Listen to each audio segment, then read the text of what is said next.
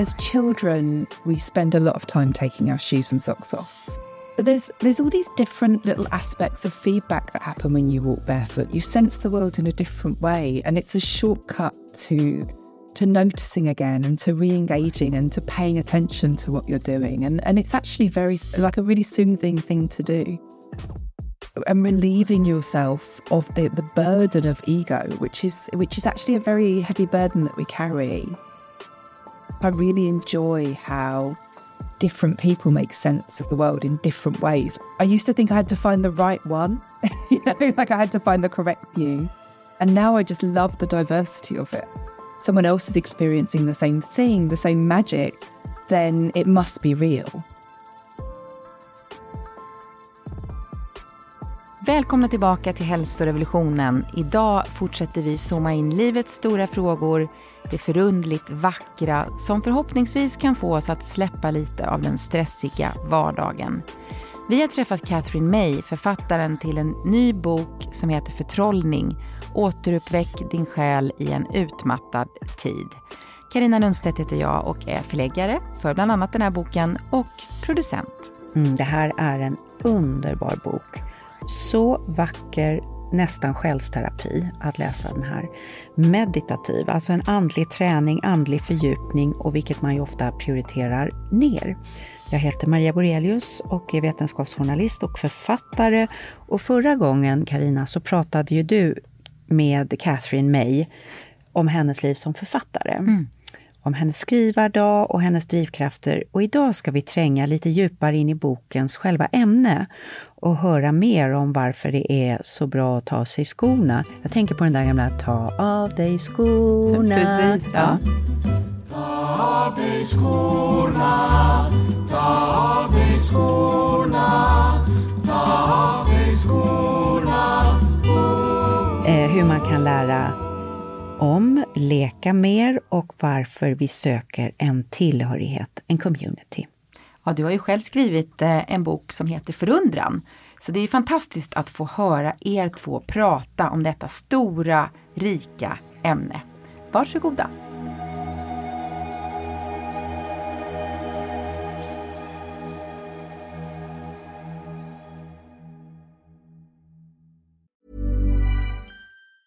When you're ready to pop the question, the last thing you want to do is second guess the ring. At Bluenile.com, you can design a one of a kind ring with the ease and convenience of shopping online. Choose your diamond and setting. When you find the one, you'll get it delivered right to your door. Go to Bluenile.com and use promo code LISTEN to get $50 off your purchase of $500 or more. That's code LISTEN at Bluenile.com for $50 off your purchase.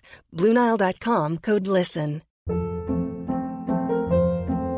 Hold up. What was that? Boring. No flavor. That was as bad as those leftovers you ate all week. Keke Palmer here, and it's time to say hello to something fresh and guilt-free. Hello Fresh. Jazz up dinner with pecan-crusted chicken or garlic butter shrimp scampi. Now that's music to my mouth. Hello Fresh. Let's get this dinner party started. Discover all the delicious possibilities at hellofresh.com. Quality sleep is essential. That's why the Sleep Number Smart Bed is designed for your ever evolving sleep needs. Need a bed that's firmer or softer on either side? Helps you sleep at a comfortable temperature? Sleep Number Smart Beds let you individualize your comfort so you sleep better together. JD Power ranks Sleep Number number 1 in customer satisfaction with mattresses purchased in-store. And now, save 50% on the Sleep Number limited edition Smart Bed for a limited time. For JD Power 2023 award information, visit jdpower.com/awards. Only at a Sleep Number store or sleepnumber.com. Vi fortsätter vårt roliga betalda samarbete med Bosch. De har precis kommit ut med sin nya köksmaskin, serie 6, som har fått en naturlig plats i mitt kök. Att baka gör mig lugn. Jag har länge tänkt att jag vill baka oftare. Och nu har det blivit mycket enklare tack vare serie 6 med sina smarta sensorprogram. Och den här gången valde jag ett recept ur din kokbok Maria. Vad glad jag blir. Berätta, vad valde du? Jo, men jag ska baka din mormors härliga recept på Earl Grey-kex. Som då kommer från hälsorevolutionen, kokboken. Och för det här receptet så rekommenderar du just en köksmaskin eftersom det är ganska många ingredienser. Så därför har jag dragit mig för att eh, baka de här. Det har känts lite knepigt och svårt eftersom jag inte haft någon egen köksmaskin tidigare. Och så här lät det. Ja, nu har eh, serie 6 köksmaskinen fått eh, jobba på här ett tag och eh, det har blandats ihop eh, till en perfekt liten eh, smulsmet här. De innehåller havregryn, smör, bovetemjöl, bakpulver, havssalt, eh, citronzest, ingefära, blötlagda Earl Grey-teblad och sen kallt Earl Grey-te och honung och till sist kakaonibs. Ja, ni fattar, det här kommer att bli så himla gott. Ja men det här är så kul och min mormor hade ju tyckt det här var fantastiskt. Hon var ju alla de här ingredienserna och det här med, med ett litet bra kex och en kopp te. Det var liksom väldigt mycket hon. Jag tror att hon drack 16 koppar te varje dag och just tekex var liksom lite specialitet ja. för henne. Det jag uppskattar särskilt med serie 6 nu när jag har bakat med den några gånger det är till exempel eh, den enkla funktionen att man kan väga ingredienserna. Både ovanpå köksmaskinen och direkt i skålen. Och sen de sju olika sensorprogrammen eh, som är, passar allt från när man bakar med jäst till att man vill vispa grädde eller maräng eller något annat. Och eh, den här gången när jag gjorde Earl Grey-kexen så hade jag program nummer fyra som funkade perfekt just för detta. Och det är en unik 3D-rörelse som gör att alla ingredienserna fångas upp liksom från botten och blandas väl. Ja, bakning och matlagning det är ju personligt i varje familj, för mig också. Det känns jättekul att recepten sprids och vi kommer lägga ut receptet på vår Instagram också, eller hur Karina? Ja, hur blev kexen förresten, Earl Grey-kexen? Ja men så himla goda med den här citronsmaken mm. i kombination med Earl Grey-teet. Man kan få testa köksmaskinen serie 6 i hela 100 dagar. Den finns redan nu att köpa hos Power och där kan man även få mer info om köksmaskinen. Lycka till! So, uh, good afternoon, Katherine. I am sitting in my apartment in Rome right now. Where do I find you? I am in my office in Whitstable, where I have just uh, taken Carina around uh, around my hometown for a tour. And uh, yeah, it's a bit of a grey day, though. Unfortunately, I'm not sure if we got the best views, but there we go. That's life. you you have written uh, I find an absolutely magical book about enchantment. Uh, and in your own words, how would you describe enchantment?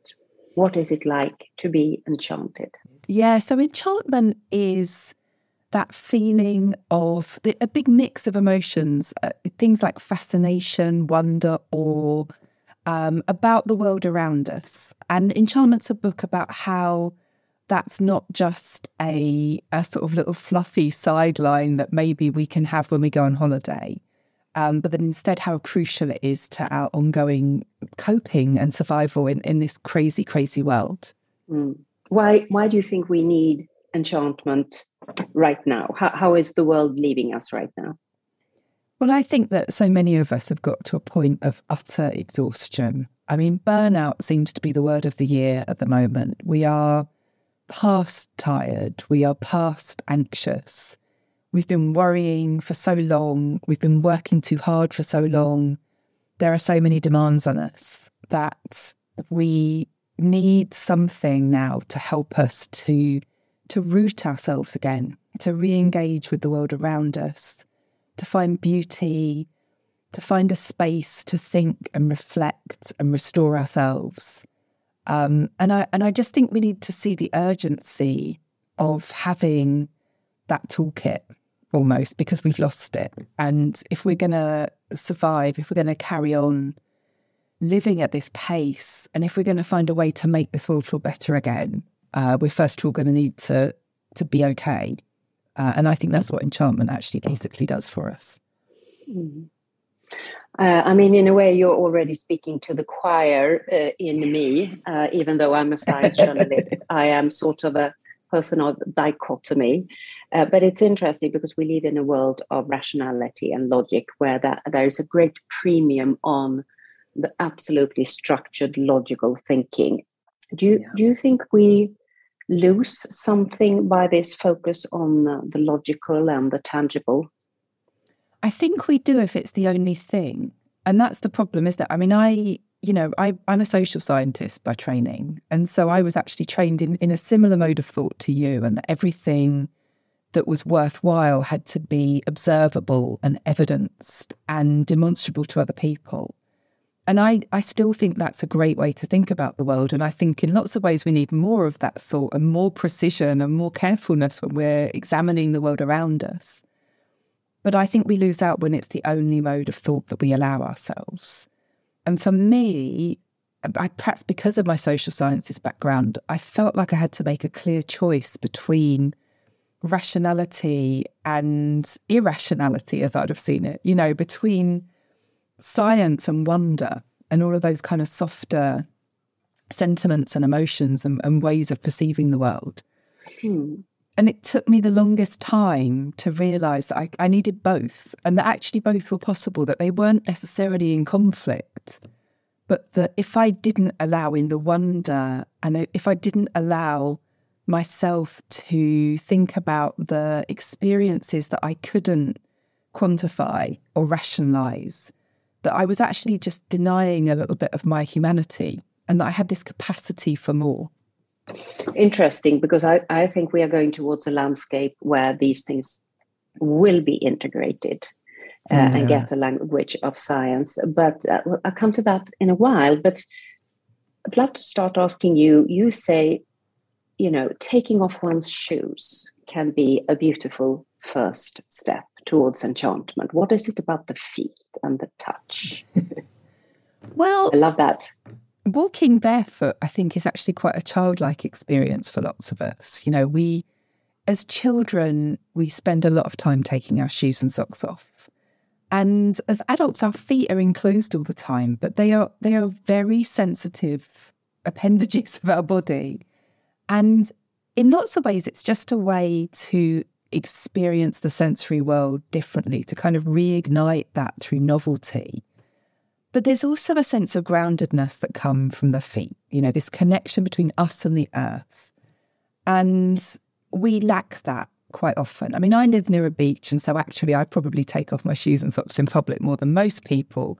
But nevertheless, when I wrote about doing it in a field, like for some reason that felt really transgressive to to go barefoot on grass like it's not unsafe it's absolutely fine and we probably evolved working walking barefoot but there's there's all these different little aspects of feedback that happen when you walk barefoot. You sense the world in a different way and it's a shortcut to to noticing again and to re-engaging and to paying attention to what you're doing. And and it's actually very like a really soothing thing to do.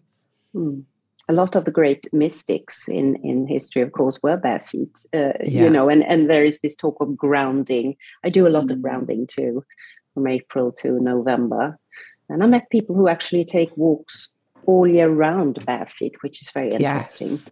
uh, yeah. yeah i can imagine i mean I, I wonder what it's like to walk in snow barefoot that would be an interesting experience it's quite cold actually yes chilly for a long time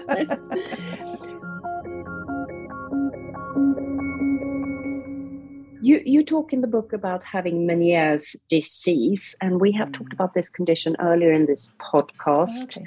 Lyssna gärna på vårt avsnitt som handlar om yrsel. We made an entire episode about various types of dizziness and how this is totally underdiagnosed. Okay. Yeah. Actually, one of the most common, common conditions for, for looking for uh, A&E help is is dizziness, which is interesting. Is that right? Oh, well, that's interesting. Yeah, yeah, mm. it is interesting. So this is a condition uh, which affects your balance um, and gets worse by stress. Uh, what has this condition taught you? It's taught me, I think, that sometimes you just have to stop. I mean, when I'm having a Meniere's attack, I, I literally can't do anything. I mean, I the the advice, which works to some extent, it, it stops you from wanting to throw up, is to sit with your body at a 45 degree angle so that's kind of reclined, you know, but not flat. At flat, I feel very dizzy. Upright, I feel dizzy. At 45 degrees, I feel kind of okay, uh, but it's not convenient. And it's certainly made a lot worse by looking at a screen. Um, I need low light. I need to, you know, just lie and close my eyes. And that might last for three or four days. And there's absolutely nothing I can do in that time. And that, you know, it, it really teaches you that there are some things that are insurmountable. And, and it, when you talk to people who don't have anything, who haven't experienced Meniere's, who haven't had, you know, or, or even like a chronic condition, they say, well, why don't you go to your doctor? And it's like, I had gone to my doctor and they told me I've got Meniere's disease, you know. Well, can't you take any medication? Well, yes, this is as good as it gets with taking medication. Um, they're like confronting what it's like to run out of options and accepting that space that it makes for you is actually not so bad once you've made the adaptations around it. And for me, I now know it's a time when I'm going to kind of dream for a few days. And I often come out the other end with mm. new ideas or new perspectives on things. And, and so I don't mind it so much. But it was much harder when I had a, a full time job where I was supposed to be in an office. That, that was impossible. Oh, that's interesting. I'm thinking, when you tell me that, I'm thinking of Einstein, because when he got his whole ideas about relativity, he was in this dreamlike state mm. chasing a sunbeam. And if you're chasing a sunbeam, you have to accelerate and accelerate and be faster and faster to catch it. And in this kind of dream landscape, he started thinking about, you know, what gravity did to us and what speed was. And mm, so it's interesting. I've often found this this this landscape between uh, being awake and being asleep is can be very creative. It's not that you want Meniere yeah, for on anyone, but it can be. But it's interesting, isn't it? It took me a while to see it as a creative space, but I I actually almost value it now. You know, like I I know that I've got to give into it. It's wildly inconvenient. It's really uncomfortable, but it does make a bit of space in my life that otherwise doesn't often have a lot of space in it. And mm. sometimes having your choices taken away help a little. Um, and so, yeah, but I mean, Meniere's tends to last. My dad had Meniere's, which is why it was quite easy to diagnose in me. And it lasts in general for about 10 years in its acute phase. And I, I think mine is beginning to pass now. I'm not, not getting the frequency of attacks that I did. And I, I almost miss it. mm. Not too well, much. You miss it already without, yeah, yeah. My yeah. stepmother had it, so I, have seen it a okay. little bit. Um, yeah. yeah, and it can be very confusing too mm. before you start learning how to live with it. It's quite hard to notice it as well, actually, because I like you don't always feel dizzy necessarily, like directly dizzy. Instead, you feel like the world's on a slant, uh, you know, and so your brain is constantly trying to make sense of the experience. And so it actually feels a little bit different every time it comes because you've you're sort of rationalizing it in a different way. Um, so it's it's an ever changing mood but um but I am generally quite off balance and my hearing is now not great because of it. So it's it's not a not a fun thing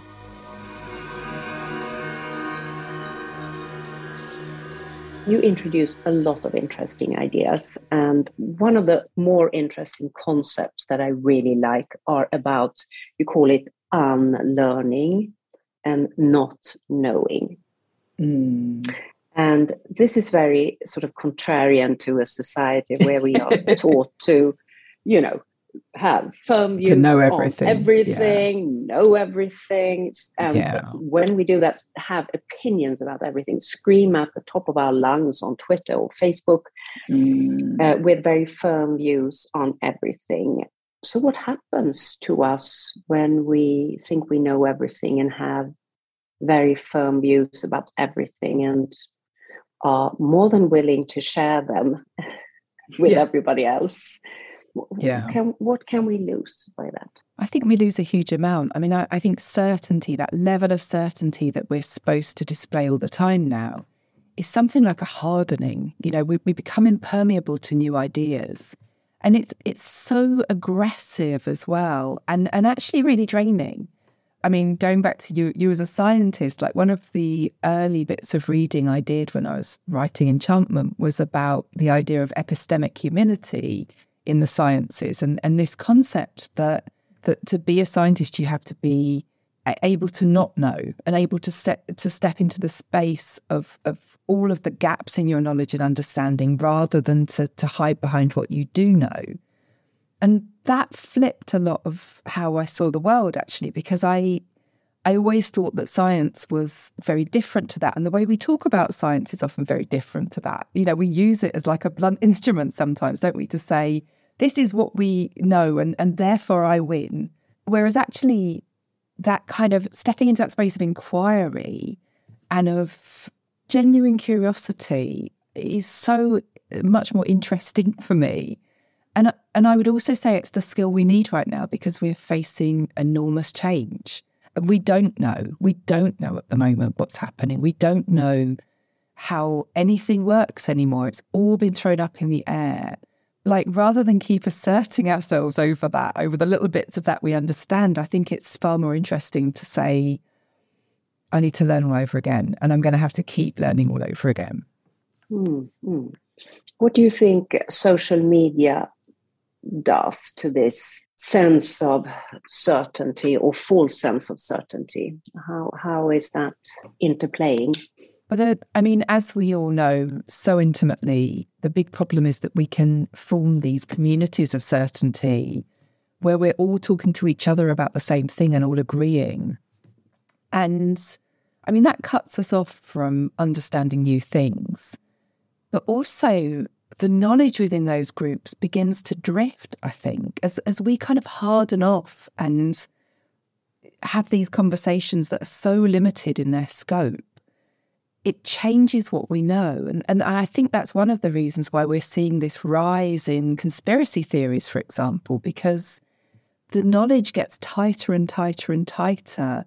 And we stop being quite so critical about it because we all trust each other and nobody's testing that information. And then when we come across something that is slightly different to what we believe, it feels really violent and really aggressive in a way that I don't think it would have done once.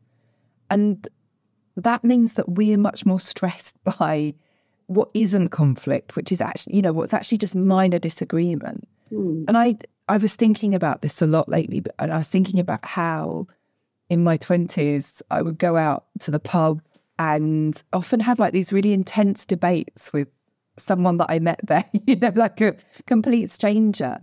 And we'd often argue about, you know, politics or, you know, some matter of perspective. But then there was a cycle to that, like there was a narrative arc to that discussion because eventually you'd get tired and you would close the discussion. You'd say, okay, let's agree to disagree, or let's have another drink and change the subject, and peace would be restored. But now we flounce offline and block that person and never speak to them again. You know, we're creating this environment where we can't learn from each other and where we can't restore the relationship afterwards. It, it makes it feel so much more unsafe. Mm, mm. And we're, we're othering people with other opinions uh, and call them mm. evil. Yes, instead of yeah. being curious of why they came to this other conclusion. Yeah, I I, yeah. I have left Twitter because of this I've done exactly the same. Yeah, yeah, yeah. yeah. I didn't like what it. I was always leaving it with a sense of anger and resentment. I was like, where is this coming from? You know, I'm not this person. Yeah.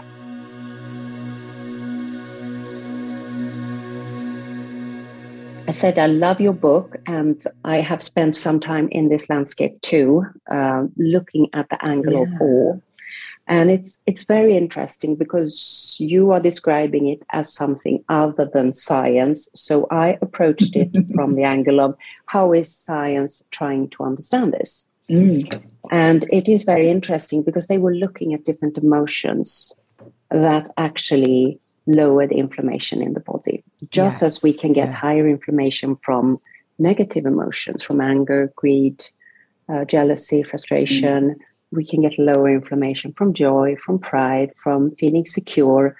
And the emotion that stood out was yeah. awe. Yeah. Oh, Yeah. No, I did. I did a lot of that reading too. Yeah, it's fascinating. yeah. So it had a clear effect on the interleukin six, which is a cytokine measuring uh, inflammation in the saliva, and this is the indication of healing. So how does this healing feeling resonate with your own bodily experience of enchantment? Yeah, I mean, I I think I think you can experience enchantment as a sense of calming, actually, and and I think that's quite tangible, and and also like a um a feeling of transformation. You know, a sense of change happening in that moment, and, and your emotion shifting from something that is often quite confused or disrupted or unsettled. You know, I use the word discombobulated in enchantment, which is a word I love, and I you know, that feeling of everything being out of place. Um, and you can often feel that transition into something a little bit more calm, a little bit more settled, a little bit more balanced or with more perspective happening in that moment. And I think that's partly a function of awe itself and of, of feeling small and of feeling in context. Um, and it's partly a function of something more akin to mindfulness, you know, that sort of deep engagement of attention. Exactly. I've, I've, I've, I've always said, imagine if you're super, super, super stressed, running around, you are in tunnel vision, and then you see a very small baby or a very small kitten. Oh, More comes your way. kittens in this world, please. We have more kittens. Carina nods in the Oh, yeah. background, uh, and cat book author, and this like shoulder sinking, parasympathetic nerve system getting started, which is healing for us. So there is a clear.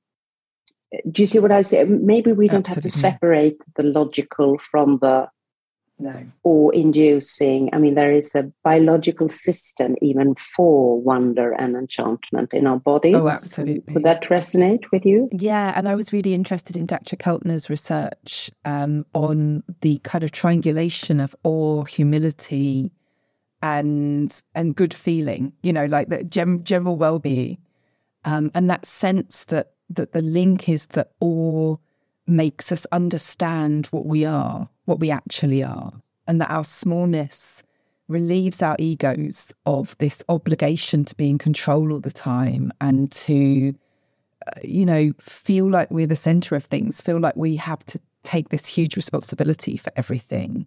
Um, and I, I think that's really powerful. You, One you of the- write a, a lot about this, you know, feeling small in mm. front of something great, which the mm. awe researchers is is a fundamental Yeah.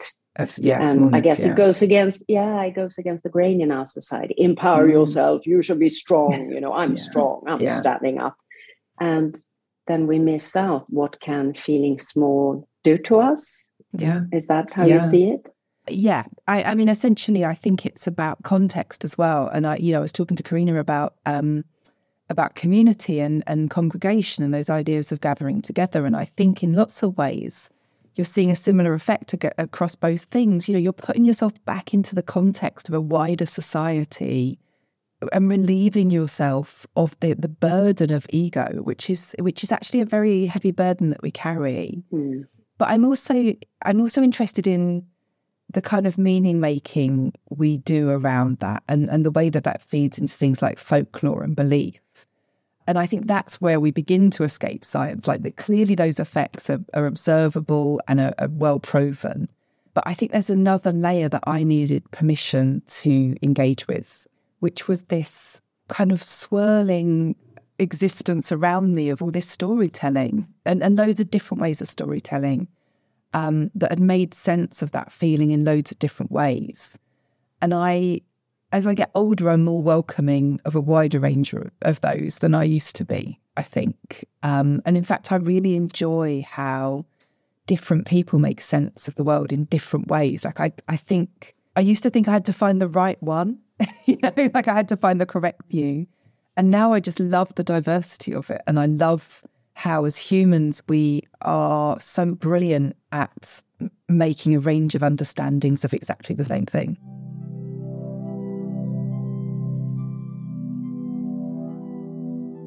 I'd, like to ask you about another one of your swirling worlds, which is the water world.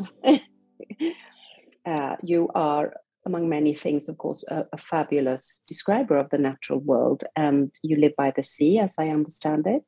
I do, yeah. And you are a wild swimmer when you can. And there's many of our listeners are wild swimmers too, even from mm. the north of Sweden, where they jump into waters. They're sending me pictures, you know, they're getting into the ice, I mean, in sub zero temperatures. So, what is your water ritual and, and what is it to you? Yeah, well, the good thing about water is if it's flowing, it's always above zero. So you're always fine, right? exactly. Even if it's minus 25 around there. Yeah. If it's flowing, you're fine. Um, I, my ritual, I would say, is that I, like, I, I try and abandon all competition when I get into particularly wild water. You know, when I go to the pool, I swim lengths like everybody else and count them and, you know, do all of that stuff. But when I get into the sea, I, I think it's a wasted opportunity to be quantifying it. Um, and I, I've noticed that creeping into this space. You know, how cold is the water? How long did you stay in? How far did you swim? All of those things are, it's, yeah, it's, and it's so uninteresting. It's such an uninteresting way to engage with that beautiful space. And so I get into natural water to immerse in the sensory landscape. I find it like a very complete sphere to be in, in a way that maybe other places aren't. Like all of my needs are being met in that in that moment. You know, the soundscape is so gentle and so beautiful, and my visual input is just soothing. You know, there, there is another. Um, there's a, there's another piece of research about the sympathetic nervous system, which is, involves looking at horizon and how that brings down inflammation markers as well um, and brings down blood pressure. Um, and of course, often when you're swimming in the sea, you're looking out at horizon. And I, I find that really, really beautiful, really calming. I love the texture of the water. I love the feeling of the cold on my skin, actually. And so, actually, I, I just I try and surrender myself to that space. I think that's one of the ways to keep safe when you're, particularly when you're cold swimming as well, because once we bring competition into it, we're encouraging ourselves to stay in for longer than we're comfortable. Whereas actually, your body tells you really clearly when it's time to get out if you let it. And if, if you're not pounding up and down and counting and using a timer and measuring the water and, and worrying about what you're going to say about it on Instagram afterwards to impress people, like it's a great moment to set all of that aside and to use the feedback that you're being given that says, "Oh, I'm getting a bit cold now. It's time to get out and warm up." Like it's it's just basic common sense, and yet we we get so far away from that. I think it's also uh, I find I go sometimes when I'm in the south of Sweden with a group of women, and we there is you know we're in the sauna together. We are getting down there together, talking about it, being in the water, different lengths. Some have a hat, some don't. Yeah. Getting up. It's the time after. It's like, it's not only the time in the water, it's the whole process of this. And mm. it's so egalitarian and it's in the sense that everybody can do it. Uh, you know, um, we don't care who comes from what, when, where, age. Lovely thin model you know having you know maybe some kind of physical it's a good moment to carry a bit of extra body fat. In fact, like you can finally be proud of. you can be a proud of your in insulation. Look at the seals; they know how to swim in cold. They know water. how to do it. Exactly. Yeah. No, I love that, and and I think there's like a um, there's a sense when you get into the water together that you're all in it as one. You're on this common mission. You're being brave together. It's like an instant bonding experience. And we used to find that, you know, there was there, there is this natural high that comes from it. It's, it's pretty well documented. Oh, but yes, of course. but that was like a shortcut to intimacy because we'd get into the water, we'd all start chatting. Um, and before we knew it, we were sharing things that we'd never have shared across a cup of coffee. Like it, it's it breaks down self consciousness somehow, and and I yeah, it's really valuable. And probably a lot of other, it's very interesting now, all this new research about how cold water, these micro stresses can affect uh, mm. your genes um, epigenetically. Yeah. But that's another story. that's one for another time.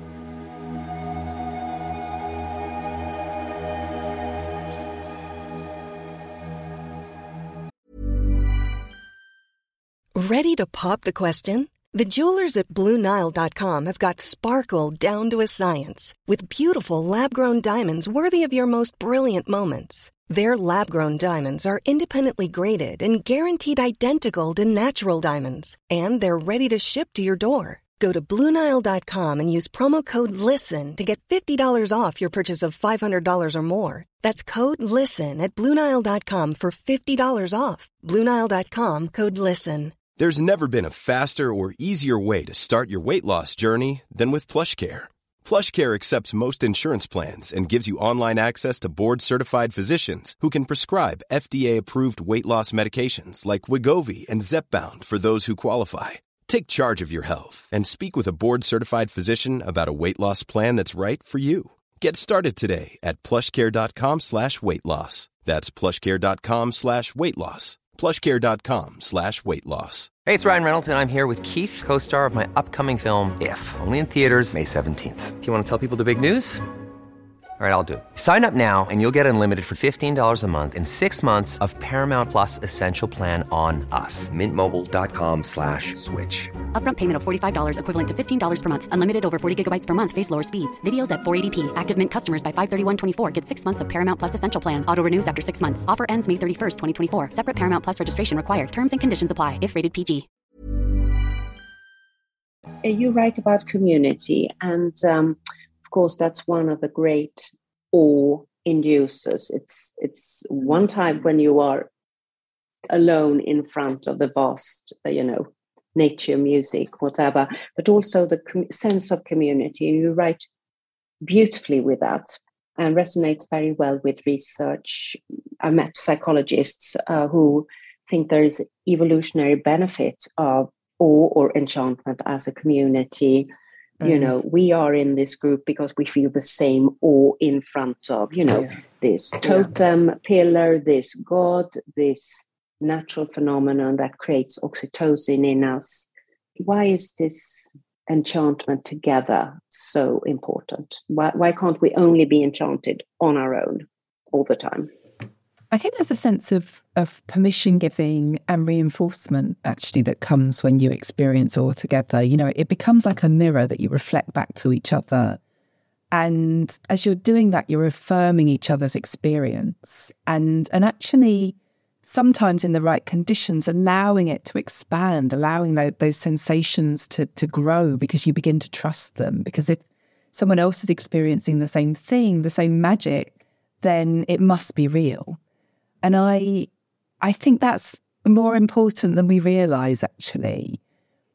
But also, again, it's that sense of humility that comes with that encounter because it might be, you know, as emotions surface in in that moment, it might be that you realize that the person next to you needs tending to more than you do. And and so this kind of communal care begins to take place, which we lack those opportunities. And I, I do, I think that one of the things we don't realize about ourselves is that we enjoy giving care, actually. You know, we're not as selfish as we think we are, but we lack the opportunity to genuinely care for each other and genuinely engage with each other and make those connections. And when we when we enter a ritual space, when we enter a, a space that invokes awe um, or wonder, everything surfaces and we begin to look after each other and, and we make these these much stronger, deeper connections. When you when you're saying this, a, a word comes to my mind, and that is the word holy. Hmm. You know, it used to be a very yeah. important word for people. And and what is what is holy today? Is it only rock stars? You know, hmm. because they they are treated with a kind of reverence. Yeah. As, as you look Yeah. at a big concert with a big artist, it's being he or she is being treated as somebody, you know, like a saint would have Mm, been mm, during medieval times. But what is holy Yeah. today in our society?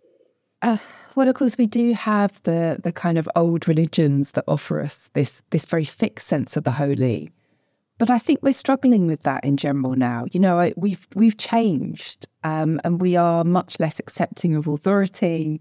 We find it less easy to to simply believe without any personal direct contact with whatever it is that's being promised to us and it feels very unsatisfying. And yeah, and I mean, maybe pop stars satisfy you for a while when you're a teenager, Mm. but very few of us carry that into adulthood. And there is a capacity for us to feel that, right? That's what that's what interests holiness. me. Yeah. Yeah. I mean, Freud called it that oceanic feeling. It's like we've got a receptor somewhere for Yeah. Oh, we the do. sacred. We do. Yeah. I'm thinking wha- one of those symbols today, I would say, still remaining is in front of a newborn. Interesting. Yeah. W- Yeah. Wouldn't you say that? A, a newborn child, Yeah. even a newborn animal, we all Mm. have a sense of we are witnessing something miraculous, something holy, Mm. something, you know, we, we are not evil there, we are not Mm. whimsical, we are collected, we are bit serene, wouldn't you say? In front I of the, the new so. child? Yeah. But it's interesting that we've we've made that such a fraught space that that I think we're cutting off our opportunities to feel that. You know, we've we've cluttered it up, and and so now when you know when you when you've got a small baby in your arms, everyone's saying. Oh, you must do skin to skin contact with it, and you must do this and you must do that. And, and there's all these obligations that have come in. Whereas actually, what you want to do is just spend that time, have that contact with that extraordinary moment. I mean, one of the biggest shifts in my life was the moment that they put my son newborn on my belly and it was like the whole of reality changed you know this this thing that had been like a notion that I'd felt him inside me moving around but he was still always a concept until he came out and I literally felt like the earth quaked Mm. but very soon after that, you know, the whole hospital took over and there was, you know, lactation consultants and I, you know, and I and I I think we're destroying something that is that is very sacred. And I and and at the same time, like as you know, very quickly we've let go of the rites of passage that were maybe irrational around birth, but that actually created as marked out a space around it. You know, I mean, my mother had a laying in of two weeks with me. You know, she had two weeks of in bed. I did not. Yeah. let's, be, let's be clear on that. And there was nothing I- that I would have given me permission It's- for that. Don't get me started. I've, I've done I've done a lot of TV on on women giving birth all over the world and how, and you know, in developing countries, it's absolutely essential that the Mhm. woman gets chicken soup is to lie down Yeah. with her baby for two weeks in in Yeah. Mali, which is like the poorest country in the world, Yeah. and in you know Europe, you should be up and about, have lost all the baby weight with a new kind of workout, and be you know super alert after and two and, weeks. or- and very quickly you're left on your own you know like you are there is a moment that comes very shortly after birth like maybe two weeks when everybody goes home and you are totally alone. Hmm. and it's devastating. It's a devastating moment. And we are so poor at managing those transitions now. You know there are loads of different kind of ways of marking that. Like there's no one way to do it that's right but we we've we've taken it all away from ourselves. Agree. I would like to pick on another theme. You call it the narcissism of self-acceptance, which is very interesting. because no, because it's very contrarian. So we live Mm. in a society which says that you know we should accept absolutely everything about ourselves, and media is kind of stroking this thing within us because it sells copies of newspapers. yeah Uh, but you call it the narcissism of self-acceptance, which is Mm. you you're going against the tide a little bit.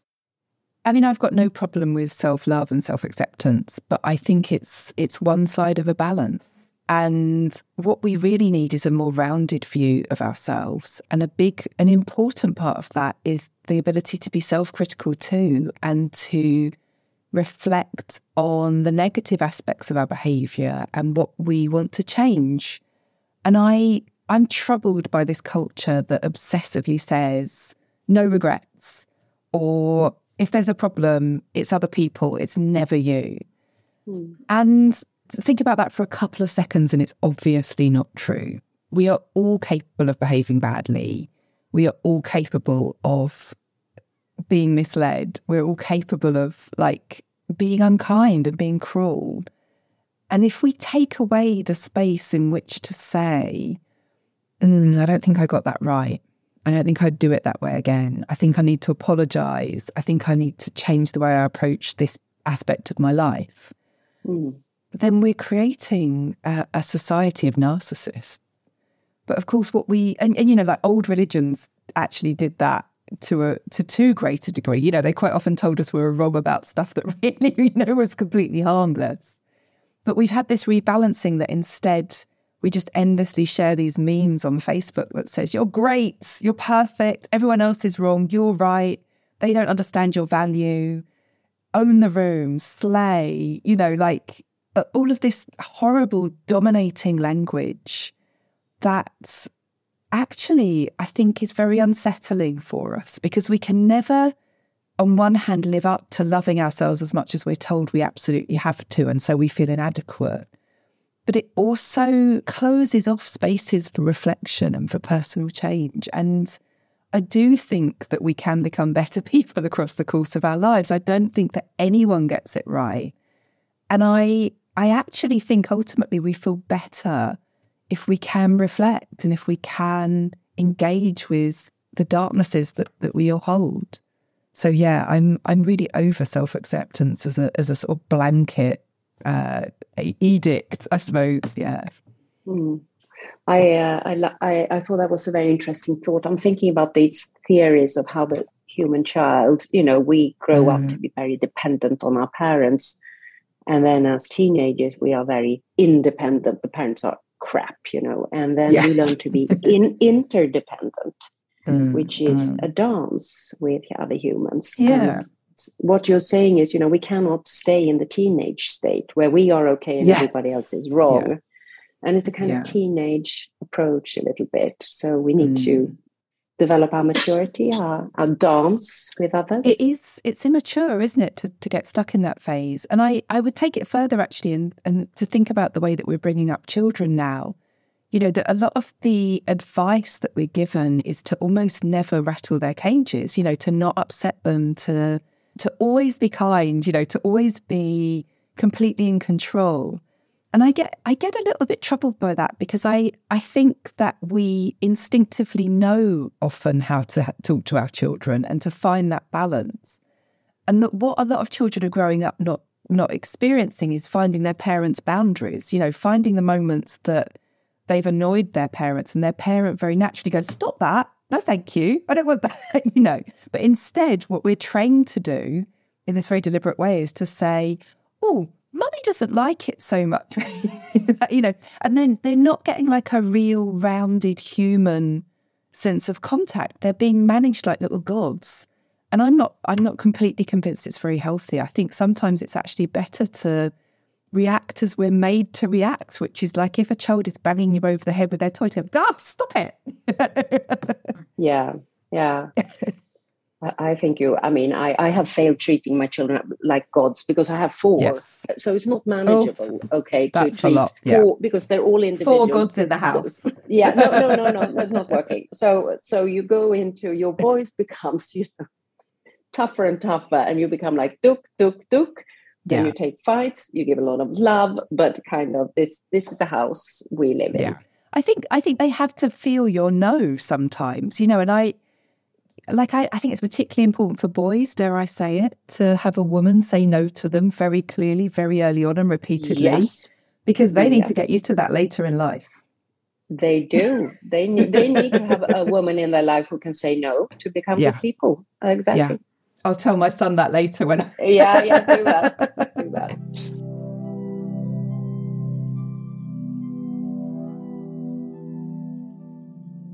so I love your thoughts on deep play. I love that. What is deep play? Mm, so deep play comes from the anthropologist Clifford Geertz, who wrote like a, I think a real landmark essay that we should probably all read at some point in our lives about um, about cockfighting in Bali of all things. But he developed this idea of deep play, which is the idea of adult play, play that adults take part in, which almost contains symbolically the whole of life. It's this play that kind of treads the borderline between seriousness and pointlessness. and which lets us exercise and understand our, our boundaries and our conceptualization of the world and to test our relationships, but to do it within a contained space that's like a, a testing ground for, for real life. Mm. I think it's an absolutely fascinating concept. And I, I it made me like returning to it as because I studied it at university doing social sciences. Of course, you come across it but I like returning to it now made me think about what a flat landscape play is for both children and adults, actually. Mm. Um, and how, on one hand, as we just talked about, we don't often allow our children to feel the full scope of emotion and of of risk and danger and anger and all of the kind of difficult things that you know, and, and that is developmentally really problematic. But actually, as adults, our play spaces are, are flattening, um, and and we're creating these palaces of very simple entertainment that are not complex enough. I think the conception of deep play is about bringing the complexity back into our leisure spaces and and not keeping them so simple. How could we do that? Who knows? I mean, honestly, there's no simple answer. But for me, I think it's about re engaging with our own individual desires in quite a lot of ways, like thinking about what we're drawn to and letting ourselves go much deeper into those interests and finding the edges of them. But importantly, it means interacting with other people again. You know, that's that's how we find those edges. That's how we get challenged. That's how we come across disagreements and bumps and, and differences of opinion and differences of desire. And I think also I mean, this is where it gets challenging, isn't it? That there are so many simple routes to pleasure that are open to us now. Mm. We have to learn to swerve them a little bit. You know, I mean, I talk about soft play centres for children and how they're almost too simple, they're too pleasurable, they're too compelling, and they don't encourage children to use their imagination or to disagree or to ever want to to stop or to learn or to create deep systems of knowledge. But I also think that maybe the same is true for adults now. You know, that in our spare time, we can like roam through Netflix infinitely and never stop being entertained and never get bored and never run out of something to to stare at. Mm. Like one of the things we could do is deprive ourselves of things a little bit, you know, to cut down on our choices, to find systems that that divert us into new things, into like more challenging things, into things that we find hard or confusing or upsetting. Um, but how my question, I suppose, a question you know that I'd love for you to answer. You might have thoughts on this. Is like how do we how do we encourage ourselves to do that? Because it's so much easier to go towards simple pleasure. You know, being a biologist, I would look at my brain with some compassion and understand that my limbic system is a, a monkey that wants to have fun now. but my cortex, neocortex, is a human that understands exactly everything you say. So I would just decide that before I read anything else, I read 10 uh, pages of real literature every day. Mm, mm. And then sometimes I just get stuck in that. So I do that before I read something lighter so so like a like a child you know that if you do this first you get you know you get the toy afterwards and then when mm. i start doing that you you see how how rich that is and how mm. but you you have that small initial hurdle so there are a lot of, of chimp taming techniques that you can use to well we can talk about that some other time too to kind of if you think it's valuable. And I'm also, when you are saying this, I think it's so interesting because the first place in humanity, the Greek tragedies and uh, comedies, mm. there is a theory that they were played in the ancient hospitals. Oh, really? Wow. So they were played on stages for the patients to oh, look yeah. at and evaluate their own lives as a way of oh, dealing with mental distress so looking at these people who were, you know, and of course all these mania, depression, schizophrenia, and so forth, they are Greek words. Mm. And and these diseases were were kind of in an initial way, you know, uh, described by the Greeks as people were looking at these places. Look, the boy is responding to his mother by hitting her on the head right. or by sulking. Why is he doing that? Am I doing that? So there was this interplay between what you saw yeah. on the stage, and so it was a kind of the first kind of yeah. psychotherapy, really, a very, mm. which I, I find that very interesting. Yeah, yeah. So, as you say, by looking at stuff, we start reflecting on our lives. So that's why I, I love the word. We can't avoid which, of course, it, can we? Yeah, yeah. it's the purpose yeah. of great literature. It's the purpose of great music, of art. You know, we look at it and then we start thinking about mm. our own nooks and crannies. Uh, I think we have a genuine instinct towards the complex, and I think we know we're not getting enough, and I think we know we're bored but we don't know what to do with it. You know, we know that we've got fixed in patterns of behavior where we sit in front of the TV every night and drink half a bottle of wine and then go to bed. Yeah. But what we struggle with is like, okay, so what next? You know, is is this I, life? Is is this life? Yeah. You know, is this yeah, is this right. what we were built for? Yeah, and uh, and there's so much more. And and all mm. this enormous development in digital technologies, did it end up with just new computer games, or yeah. you know, should yeah. we harness that technology in a new way? But I mean, these are great, huge topics, and you Massive. have uh, got them all going in my brain.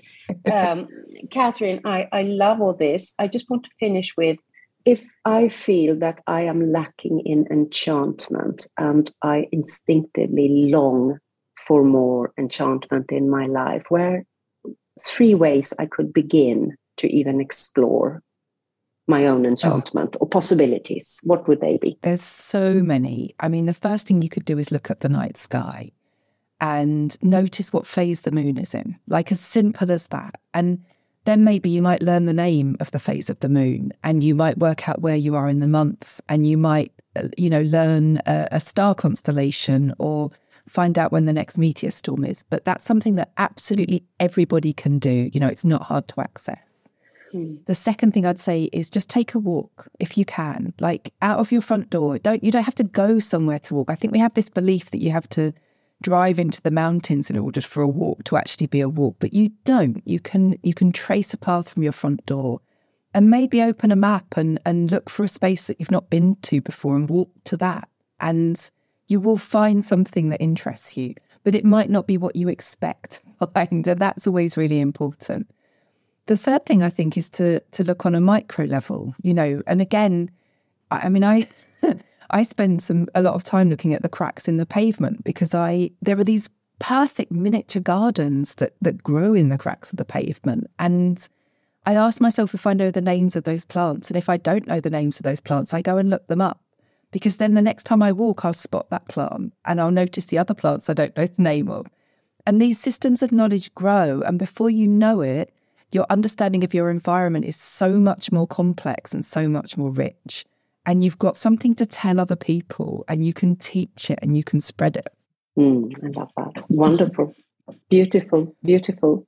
Okay, Katherine, uh, thank you very much uh, thank you. for writing this book, for opening our eyes, for taking the concept of, of awe and magic uh, even further and making us look, I think, at the world in a new way. Thank you. Thank you.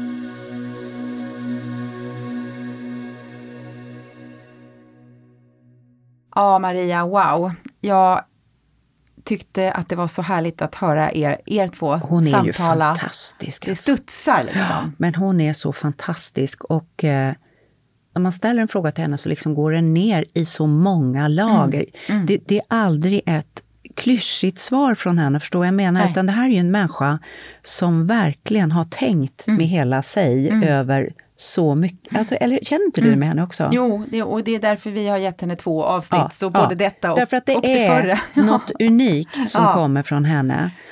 Så vi ska försöka träna på att söka mer förtrollning eh, i sommar. Vad, vad är det du ska göra i sommar egentligen?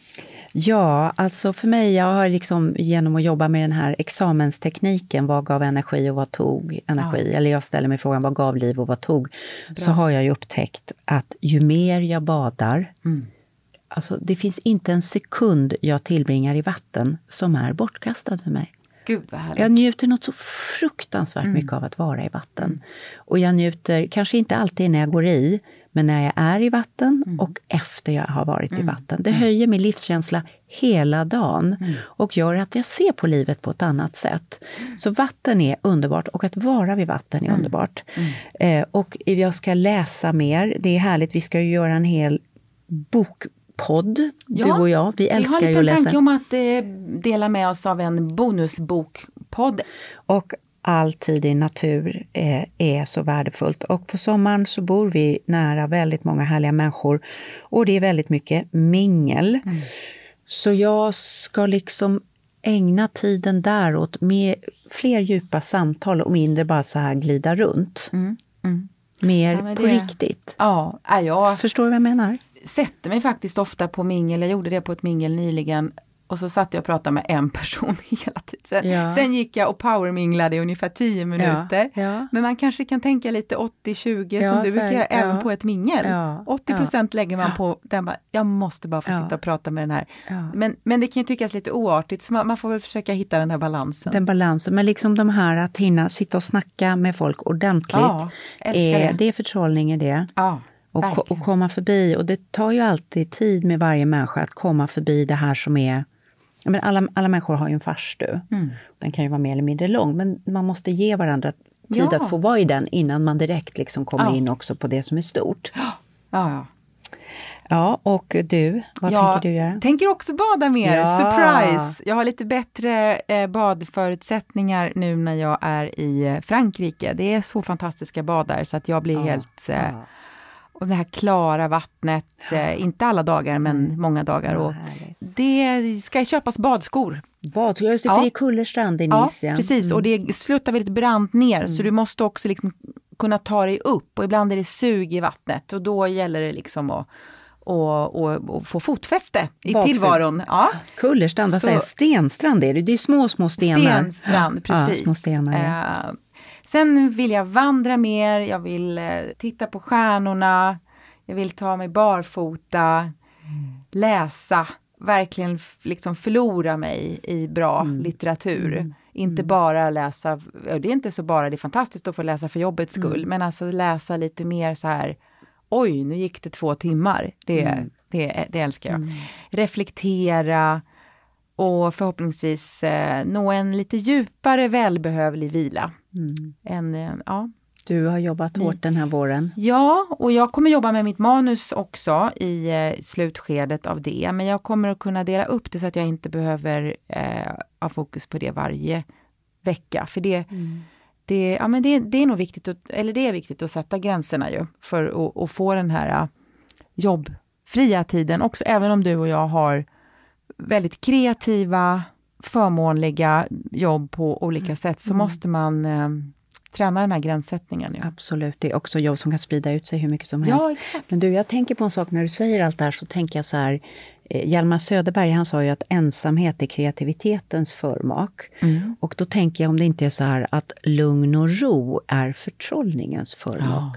Ja, visst. Vad tror du om det? Ja, det, låter, det resonerar verkligen. För när man är i stresskonen och är en Mm. ekorre som bara springer, alltså man är inte så himla förtrollad då. Men du orkar inte kolla, jaha vad är det för stjärnbild? Ja, det är. Skitsamma, Ja, spring vidare. Eller du, du, du, du, du, I stresskonen Mm. så har man tunnelseende. Mm. Och det kan man se pupillerna ändras och ställer in sig och blir så här små, bara sylvassa och är bara Mm. fokade mot målet. Mm. Och den här blicken hon har, det är en vid blick på livet. Ja. Så man kan lära sig och det finns också något meditativt, lugnande. Det är, liksom, det är ju en pandabok, alltså en, en skimrande pandabok hon har skrivit. Ja, och du släpper egot Ja. som ju är, eh, kan bli väldigt stressande Ja. i sig. Ibland behöver du ehm, vara i ditt ego också. Ja, men, det är tråkigt. men det, det, det är kan bli tjö, tjatigt alltså. Det är köttigt Ja, och framförallt att träffa folk som är i sitt ego är ja också maler tjatigt. på. Ja. Skojar du? Ja. Så nu kommer vi istället mingla kvalitativt. Ja, vi, men vi kommer inte mingla med folk som bara står och pratar om sig själva. Nej, vi kommer prata om månen och stjärnorna och naturupplevelser. Jag, människor som jag hamnar bredvid som i bara en kvart pratar om sig själva och inte, utan att ställa Nej, men en. det- det då går går vi. Då går Ja. vi, då säger vi hej då. Det gör vi. Det gör vi. Det, gör det vi. är, det är en, Mingelregeln, Mingelregeln. för sommarens grillfester. Ja. Ego, ego, e, egon undanbedes. Ja. Ja. Vi vill vara med människor som är i dialog. Som förtrollar oss. Som förtrollar oss, ja. Ja, du som lyssnar, vad tänker du när du hör det här och förra avsnittet med Catherine May? Vad sätter det igång för tankar och känslor? Vi kommer att lotta ut tre exemplar av boken Förtrollning på vår Instagram och där vi uppmanar dig att dela ögonblick, bilder från din sommarvardag som ger just dig förtrollning. Naturbild, kanske ett möte med en liten hund eller en katt eller en bebis. En känsla av någonting stort och härligt. Dela så har du chans att vinna boken Förtrollning Återuppväck din själ i en utmattad tid. Tack alla som lyssnar. Och du som undrar hur prenumererar man, hur följer man den här podden Hälsorevolutionen? Ja, du har kanske redan tryckt på det här lilla plusset som finns på eh, där du lyssnar. Då betyder det att du kommer få en eh, reminder, en påminnelse när det kommer ett nytt avsnitt. Och det kan ju vara kul om du inte vill missa att följa oss.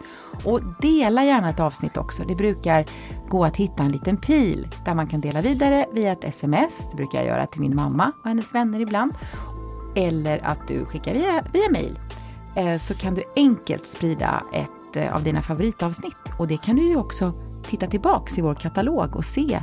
Du kanske har missat något avsnitt som du nu kan få tid att lyssna på i sommar. Var rädd om dig. Hej!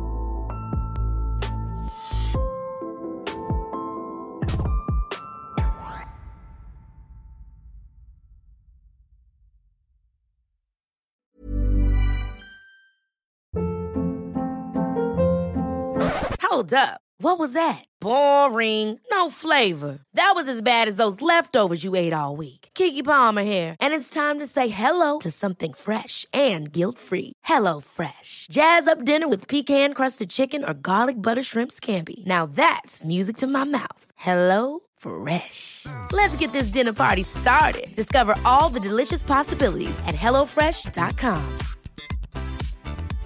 Hey, it's Paige DeSorbo from Giggly Squad. High quality fashion without the price tag. Say hello to Quince. I'm snagging high-end essentials like cozy cashmere sweaters, sleek leather jackets, fine jewelry, and so much more. With Quince being 50 to 80% less than similar brands. And they partner with factories that prioritize safe, ethical, and responsible manufacturing. I love that. Luxury quality within reach. Go to quince.com slash style to get free shipping and 365 day returns on your next order. Quince.com slash style.